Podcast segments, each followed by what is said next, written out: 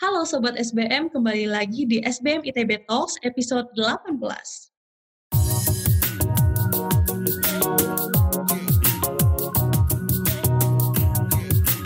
Sobat SBM, di episode kali ini kita akan membahas tentang tourism dan traveling dengan narasumber kita Kak Ilma Zaim.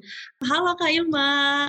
Halo Sobat SBM, apa kabar? Semoga semuanya pada baik-baik ya Kak ya. Jadi sedikit introduction untuk Kak Ilma ini. Kak Ilma pernah mengajar sebagai tutor di matkul marketing di SBM ITB. Kak Ilma juga adalah seorang alumna Master of Science Management di SBM ITB. Beliau adalah seorang PhD candidate in Tourism Marketing of Business School Middlesex di London. Boleh dijelasin sedikit tuh Kak, apa tuh uh, jurusannya tentang apa? Sebenarnya jurusannya kan uh, nama nama fakultasnya adalah uh, business school ya di marketing, branding, and tourism. Nah, saya ngambil uh, tourism yang uh, beririsan dengan marketing, jadi tourism marketing. Nah, tesisnya hmm. itu tentang bagaimana uh, persepsi non visitor terhadap destinasi wisata itu bisa terbentuk, kurang lebih gitu uh, teman-teman kita hari ini mau ngebahas seputar tourism, traveling, dan bagaimana persiapannya, dan segala macam tentang traveling dengan uh, Kak Ilma nih, yang sebagai ahlinya gitu ya. Pertama-tama nih Kak, aku mau nanya, kalau tentang konsep dari traveling dan tourism itu sendiri.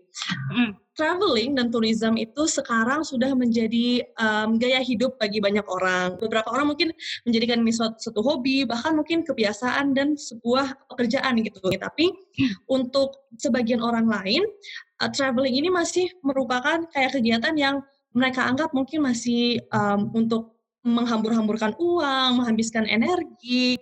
Nah, menurut kakak, apa sih uh, manfaat dari traveling dan uh, pergi-pergi ke destinasi baru dari persepsi kakak?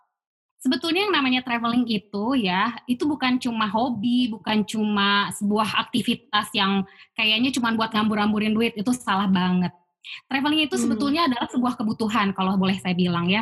Karena traveling itu penting, sangat penting untuk kesehatan mental kita.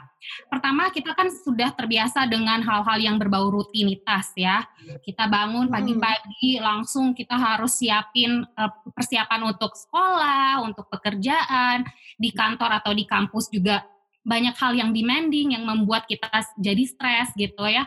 Nah, traveling ini adalah salah satu aktivitas yang menurut saya justru bisa mengurangi rasa stres tadi gitu. Nah, sebagai manusia sebetulnya kita itu adalah uh, orang-orang yang pada prinsipnya neofili, neophiles. Jadi istilahnya mm-hmm. kita itu memang suka hal yang baru gitu, hal yang belum pernah yeah. dilakukan atau hal yang tidak berbau rutinitas gitu. Nah itu pentingnya traveling. Dengan traveling kita juga jadi mengenal hal-hal yang kita tidak pernah lihat sebelumnya. Kita bisa bertemu dengan orang-orang baru, dengan budaya-budaya baru. Kita juga punya banyak uh, tambahan ilmu pengetahuan dan wawasan yang baru. Nah, hal itu yang membuat uh, kita jadi lebih happy gitu. Jadi ketika kita pulang dari traveling, kita justru akan lebih fresh itu untuk menghadapi rutinitas kembali.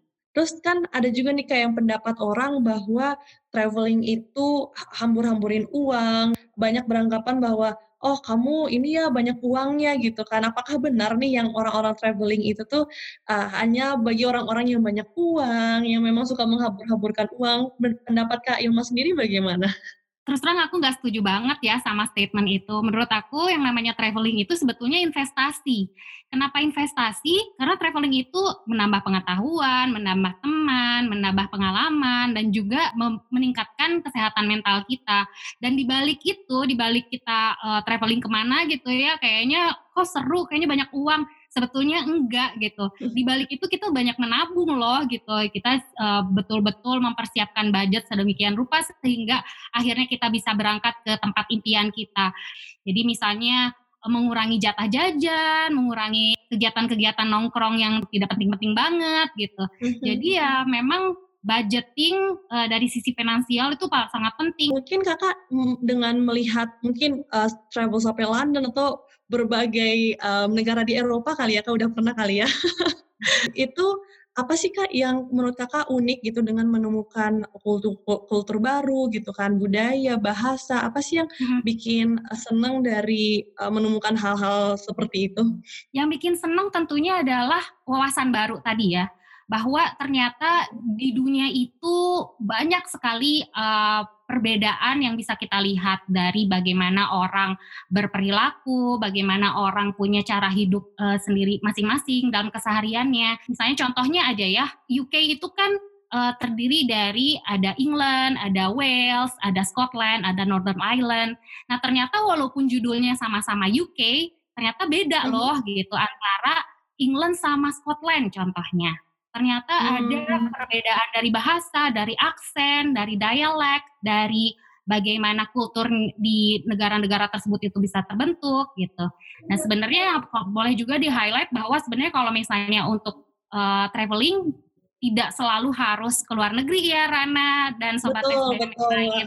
Itu bisa juga kita ke, eee, kota sebelah misalnya ya, misalnya dari Bandung ke Lembang aja itu udah travelling loh gitu kan. Iya Ada betul. perbedaan loh antara Bandung sama Lembang. Nah itu kan ada hal-hal baru yang kita lihat di Lembang yang kita nggak temuin di Bandung. Tentunya waktu kita travelling gitu, mmm, apalagi ke lingkungan yang baru ya Kak ya, yang Mhm. baru banget, kita Mhm. ingin liburannya tuh berjalan secara lancar dan sesuai Mhm. rencana.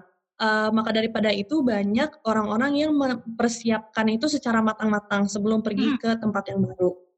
Nah, Betul. menurut Kakak persiapan seperti apa sih yang, eee, secara mendasar tuh perlu banget dilakukan oleh orang-orang, apalagi jika kita akan ke lingkungan yang belum pernah kita kunjungi sebelumnya? Mhm.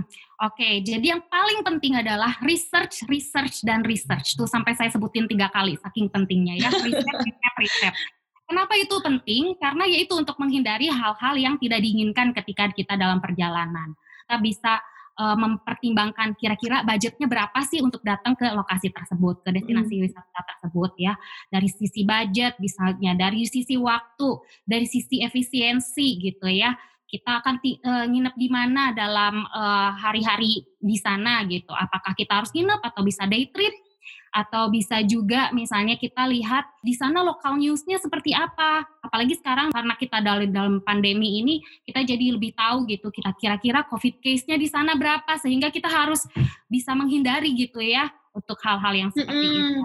Eee, dengan adanya research, kita jadi bisa mengantisipasi hal-hal yang kita akan dapatkan selama perjalanan nanti gitu ya. Apakah di tempat itu ternyata criminal rate-nya tinggi, kita juga harus bisa menghindari gitu daerah-daerah yang sekiranya ternyata kriminalitasnya tinggi atau banyak scam. Nah, hal itu bisa diantisipasi sebelumnya, sebelum kita berangkat. Nah, research itu bisa kita dapatkan di mana saja, apalagi di era digital sekarang ya, di internet, kita bisa mendapatkan informasi itu bisa dari media-media gitu ya, dari, eee, iklan pariwisata misalnya untuk tahu, "Oh ada tempat wisata baru loh," gitu ya, dari sosial media.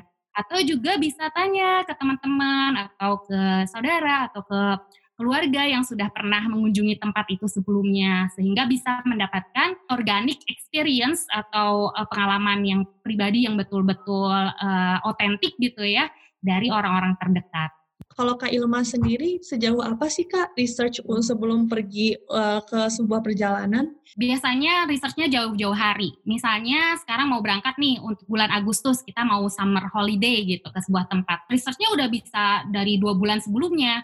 Kenapa? Karena kalau Wow. saya, yang paling penting adalah budget gitu ya. Sebagai mahasiswa, saya juga mahasiswa loh gitu. Jadi Kak, budget nomor 1 gitu. Jadi faktor yang paling utama yang dilihat sebelum travelling. Nah biasanya dilihat dulu nih, jadi berangkat misalnya mau naik bus, atau mau naik kereta, atau mau naik pesawat. Kita lihat dulu nih, mana yang paling murah gitu, cari yang paling murah tapi juga efisien. Nah itu biasanya kita pantengin tuh, gitu dari 2 bulan sebelumnya kita lihat dulu. Nah dari sisi budget nih, itu 1. Kedua, waktu juga kita harus pertimbangkan. Seperti mungkin teman-teman di Indonesia juga tentunya mungkin waktu liburannya juga sedikit gitu ya kan, eee, jadi harus dipertimbangkan kira-kira waktu yang paling pas untuk disesuaikan dengan jadwal kita sendiri itu di, eee, misalnya di waktu-waktu mana gitu ya. Dan yang ketiga adalah yang paling penting adalah local news gitu. Kalau dulu-dulu Mmm. mungkin sebelum pandemi kita lihat dulu di sana misalnya ada scam nggak sih gitu, ada konflik apa yang terjadi di, eee, tempat wisata itu gitu. Uh, karena itu hal yang penting karena kita sebagai orang yang belum pernah yang tidak familiar dengan keadaan di sana tentunya kita harus mempersiapkan diri dan sebisa mungkin untuk menghindari hal-hal yang tidak diinginkan yang kita bisa uh, terjadi di sana gitu. Apalagi sekarang di masa pandemi tentunya kita harus juga mempertimbangkan protokol kesehatan di sana gimana sih gitu. Betul. Infection rate-nya sebesar apa gitu kurang lebih gitu ya.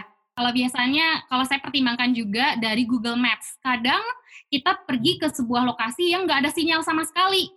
Nah itu kita sebisa mungkin udah download tuh Google, Google Maps supaya uh, pas hari haknya kita bisa mengakses sehingga untuk pergi tidak sulit lagi gitu. Speaking of budget nih kak, yang kayak tadi kita sangat highlight gitu, um, kerap kali budget itu menjadi suatu penghalang orang untuk uh, traveling gitu kan, baik waktu sebelum travelingnya maupun ketika berpergian dan kayak uh, jadinya overspending gitu kan kak. Nah um, dari Kak Ilma sendiri yang sering traveling ke mana-mana, bagaimana sih Kak tips dan trik sehingga waktu traveling itu tidak ada pengeluaran yang uh, begitu berlebihan. Jadi um, money management Kak Ilma itu seperti apa sih Kak? Kalau boleh money share. Saran saya ya, kalau yang mau uh, liburan atau traveling, uh, biasakan untuk menabung. Jadi menabung adalah kunci ya, sobat-sobat SBM ya. Menabung adalah kunci. Jadi misalnya kita punya pendapatan atau income, oh ya setidaknya sisihkanlah 5 sampai 10% gitu untuk ditabung khusus untuk liburan. Ya, selain hmm. itu juga misalnya uh, kita agak mengurangi lah gitu spending untuk lifestyle, misalnya nongkrong-nongkrong di kafe itu lumayan loh bisa bisa juga nambah-nambah uang untuk uh, liburan. Nah, untuk hari hanya nih ketika kita lagi traveling, sebisa mungkin agar budget yang sudah kita persiapkan sebelumnya itu tidak overspending tadi kan seperti yang uh, Rana bilang. Nah, caranya hmm. adalah kita membuat setidaknya ada list-list yang akan jadi pengeluaran kita. Misalnya biaya hotel, biaya penginapan tadi ya, ada juga misalnya biaya makan gitu kira-kira. Terus nanti di sana transportasinya seperti apa, itu semua sudah di list down sebelum kita pergi gitu. Nah, supaya mm -hmm. tidak ada tambahan lagi gitu spending kan kadang ada eh, kadang-kadang ada hal-hal yang tidak terduga Nah, kita siapkan hmm. ada satu budget uh, sekitar ya mungkin 5-10% tadi ya, atau 15% dari budgeting yang awal untuk biaya-biaya tak terduga gitu. Mudah-mudahan sih nggak kepake, syukur-syukur nggak kepake nanti untuk dipakai yeah. di iya. traveling selanjutnya. Tapi ada uh, budget budgeting tadi ya biaya tak terduga sehingga ketika uh, nanti ada sesuatu hal yang surprisingly ternyata kita harus alami, kita sudah siap dengan semua itu gitu gitu. I see. Kan kita kan tipikal yang takutnya kalau misalnya ngeliat sesuatu yang lucu, ih lucu gitu kan, terus habis itu pingin beli gitu kan secara impulsif. Padahal mah kita juga harus, uh, im keimpulsifan kita tuh harus mengkonsiderasi emergency fund kita yang tadi 15% tadi itu ya Kak ya? Iya betul. Nah justru itu pentingnya tadi list down biaya uh, penginapan, biaya happy happy misalnya, biaya nongkrong itu udah ada budgetingnya berapa sih dari total budget yang udah kita siapkan gitu. Next mungkin supaya ini kak supaya perjalanan kita dapat berkesan ya dan sesuai dengan rencana dari waktunya, dari anggarannya, dan segala um, rencananya, kira-kira apa aja sih Kak hal-hal yang perlu diperhatikan uh, supaya mengurangi resiko kita mengalami bad trip? Uh, balik lagi ya, tadi research, research, dan research gitu, sampai tiga mm-hmm. kali, saking pentingnya. Jadi dengan kita riset tadi, kita sudah bisa membayangkan apa-apa saja yang akan kita uh, alami di sana. Nah, hal yang paling penting menurut saya adalah pertama kita harus tahu dulu bahasa yang digunakan di sana seperti apa. Kalau misalnya hmm. kalian keluar negeri, bukan berarti kalian akan bertemu dengan orang-orang yang bisa bahasa Inggris. Bisa jadi kalian di sana ketemunya sama orang-orang yang malah berbahasa bahasa lain. Misalnya contohnya waktu saya ke Maroko nih, ke Marrakesh. Saya pikir kan hmm. di sana pasti orang-orang ya walaupun di sana adalah uh, bahasa utamanya adalah bahasa Arab, setidaknya bisa mereka, mereka bisa bahasa Inggris gitu. Ternyata tidak. Jadi mereka itu lebih berbahasa bisa berbahasa Prancis daripada bahasa Inggris. Jadi hal-hal seperti itu kan kalau kita nggak research nggak tahu kan tahu-tahu nyampe sana diajak bahasa Inggris mereka oh, kayak bengong gitu. Malah bisa bahasa Prancis gitu. Jadi mungkin dari situ kita sudah mempersiapkan ada misalnya aplikasi Google Translate atau apa yang bisa membantu kita untuk berkomunikasi hmm. gitu. Itu satu dari sisi bahasa. Yang kedua kalau saya sih sebagai muslim kita biasanya lihat ya uh, makanan-makanan yang tersaji di sana seperti apa. Kita pasti akan hmm. mendahulukan atau memprioritaskan makanan-makanan halal. Nah, kita bisa cari tuh misalnya sebelum berangkat uh, makanan halal itu dijualnya di mana sih gitu sehingga ketika kita mau makan kita udah tahu mau ke mana gitu dari sisi penginapan itu juga penting banget kadang-kadang kita sebagai mahasiswa carinya yang murah kan jadi biasanya yeah. tuh kalau misalnya nggak mampu nih Airbnb, aduh Airbnb di sana mahal banget. Biasanya kita ke hostel. Jadi hostel satu hmm. tempat rame-rame dorm. Nah itu juga kita harus perhatikan sejauh mana kebersihan di sana. Kadang uh, kalau misalnya kita ke hostel karena itu murah, kadang-kadang juga nggak bersih gitu ya kotor, hmm. kotor lingkungannya juga mungkin criminal rate-nya tinggi ya, gitu ya kak ya lingkungannya juga jauh dari pusat kota gitu hmm. ya oke okay sih murah tapi dari sisi uh, lokasi juga ternyata tidak strategis gitu jadi jauh ke mana-mana yang tadinya budgetnya pengen murah malah jadi jauh karena harus uh, keluarin yeah. ongkos gitu kan juga misalnya uh, di tempat-tempat tertentu tuh ada banyak scam loh gitu jadi kalau misalnya hmm. kita baca sebelumnya kita udah tahu nih kalau berhadapan dengan orang-orang tertentu, kita udah tahu um, kira-kira di orang emang sengaja pengen bantu atau memang pengen uh, nipu gitu. Karena pernah mengalami waktu pas ke Marrakesh kayak gitu. Jadi uh, sebenarnya yang paling penting adalah research tadi, maka disebutkan tiga kali hmm. itu sangat-sangat penting. Trust your instinct. Jadi ketika kamu ada di uh, sudah ada di uh, tempat wisata atau di destinasi tersebut, kamu harus benar-benar perhatikan insting yang kamu punya gitu. Kalau misalnya ini ada orang hmm. yang kira-kira mencurigakan, kamu udah tahu. Gitu, itu penting banget. Next tuh pertanyaannya yang mungkin memang lebih relevan sama lingkungan kita yang sekarang ini sedang hmm. terjadi di 2020 ya kak. Uh, walaupun sekarang ini kita kan di, masih di tengah pandemi COVID-19, uh, ya mem memang udah new normal katanya, tapi uh, kita kan masih ada pandeminya gitu, masih bertambah seribuan gitulah kalau misalnya di Indonesia uh, seribuan hmm. cases gitu setiap harinya. Hmm. Nah, tapi peraturan di um, peraturan transportasi itu sudah lebih dilonggarkan, orang sudah mulai pergi ke sana dan ke sini gitu kan. Seperti melakukan perjalanan pesawat gitu kan udah lebih mudah. Hmm. Nah, yang penting itu ada surat rapid testnya gitu kan, Kak uh, bagaimana tanggapan kakak tentang traveling yang sudah mulai dilakukan lagi di tengah pandemi ini? Uh, memang sekarang tuh agak susah-susah gampang ya, karena di satu sisi hmm. pandemi itu membuat kita juga jadi harus lebih cautious gitu tentang dengan kesehatan kita, lebih concern lagi dengan kesehatan kita dan orang-orang terdekat kita dan orang-orang lain yang ada di sekitar kita tentunya. Tapi di satu sisi lagi uh, kita juga ingin tetap menjaga agar perekonomian itu tetap berjalan. Karena kalau tidak berjalan akan menimbulkan resesi gitu ya apalagi di Indonesia. Betul, betul. dengan iya populasi yang sangat besar. Sebetulnya sih yang paling utama adalah pesannya kita harus tetap menjaga protokol kesehatan ya. Jadi tidak hanya untuk diri kita sendiri tapi juga untuk orang-orang di sekitar kita. Yaitu pertama menggunakan masker. Di mana pun ke mana pun dan itu ya seperti yang kita tahu protokol kesehatan kita harus sering-sering cuci tangan dan juga uh, minimal ada 2 meter physical distancing menurut saya itu penting banget. Ya untuk traveling memang ada satu yang paling jadi tantangan lagi ketika kita research kita harus memastikan bahwa penginapan kita itu benar-benar melakukan protokol kesehatan yang baik gitu gitu dan sebisa mungkin kalau misalnya di tempat itu terlalu banyak orang sebaiknya dihindari saja. Kita dilema antara itu ya kayak menjaga kesehatan iya. dan ekonomi supaya lebih terus berputar gitu. Uh, uh. Dan itu nggak cuma di Indonesia, nggak cuma di Indonesia, hmm. di semua di seluruh dunia seperti itu. Sama di sini juga begitu. Cuman yang paling diutamakan uh, sebisa mungkin kita travelingnya di domestik saja ini sebuah kesempatan juga untuk mengetahui hal-hal yang mungkin kita belum tahu sebelumnya gitu kali ya kak. Soalnya kan banyak tuh kita tuh banyak yang um, traveling itu maunya jauh-jauh langsung ke Eropa langsung ke Amerika. Hmm, padahal bener. keindahan di Indonesia bener, di sekitar kita sendiri itu nggak kelihatan bener. gitu.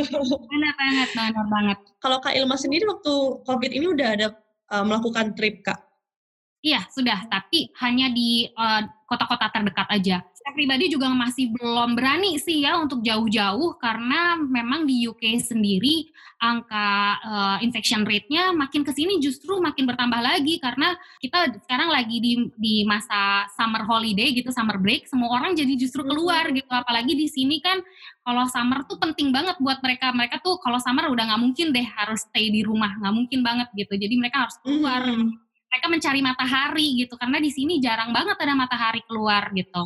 Pertanyaan tambahan nih kak buat okay, uh, Kak Ilma boleh boleh sedikit ceritain nggak kak uh, pengalaman terunik kakak waktu traveling? Ada ada beberapa ya, cuman yang kayaknya yang paling memorable tuh ada dua gitu.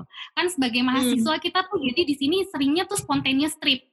Kadang-kadang ada hmm. misalnya ada budgetnya udah ada nih budgetnya, cuman karena waktunya susah, masih sibuk dan lain sebagainya, sekalinya ada waktu langsung cus gitu, langsung berangkat. Nah karena Betul. kurangnya research tadi.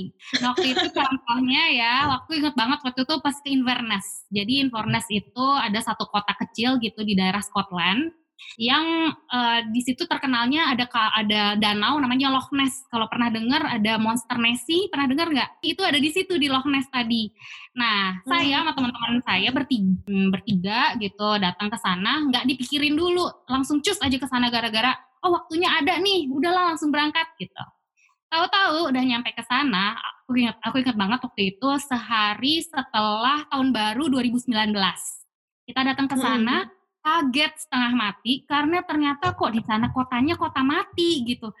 Toko-toko tutup, nggak ada bus, nggak ada transport, bener-bener uh, kita tuh kayak satu-satunya turis yang ada di sana. Ini ada apa? Kenapa kok sepi banget? Pas dilihat kok ini hari Rabu gitu, hari Rabu tanggal 2 Januari, kenapa kosong begini? Padahal kita mau ke Loch Ness, nggak ada bus, nggak ada apa Ternyata usut punya usut, di Scotland itu setiap tanggal 2 Januari itu bank holiday.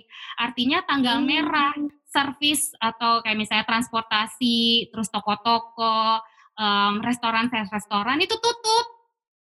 Jadi semua servis terbatas. Iya banget. Nah, iya, saking enggak researchnya, jadi nyampe sana udah cengok aja gitu, nggak tahu mau ngapain. Nah, tapi untungnya pas nyari-nyari lagi ternyata ada tour tuh, ada tour ke Loch Ness. Cuman ya udahlah karena kita cuman punya hari itu juga berangkatlah kita ke Loch Ness pakai tour itu. Cuman karena hmm. pakai tour jadinya lebih mahal. I see. Thank you so much Kak Ilma un- udah bergabung di SBM ITB Talks. Thank you uh, Uh, Thank you sobat-sobat SBM. Thank you. Ya Kak, kita doakan semoga Kak Ilma uh, cepat ini selesai disertasinya, lulus tepat waktu dan kembali ke Indonesia untuk mengabdi. Nah, bagaimana tadi Sobat SBM dengan talksnya? Pasti sangat insightful kan? Sekarang kita mengerti bahwa traveling dan tourism itu bukan cuma bagi uh, buang-buang duit, tapi itu juga untuk um, kesehatan mental kita dan untuk kita lepas dari kegiatan rutinitas sehari-hari.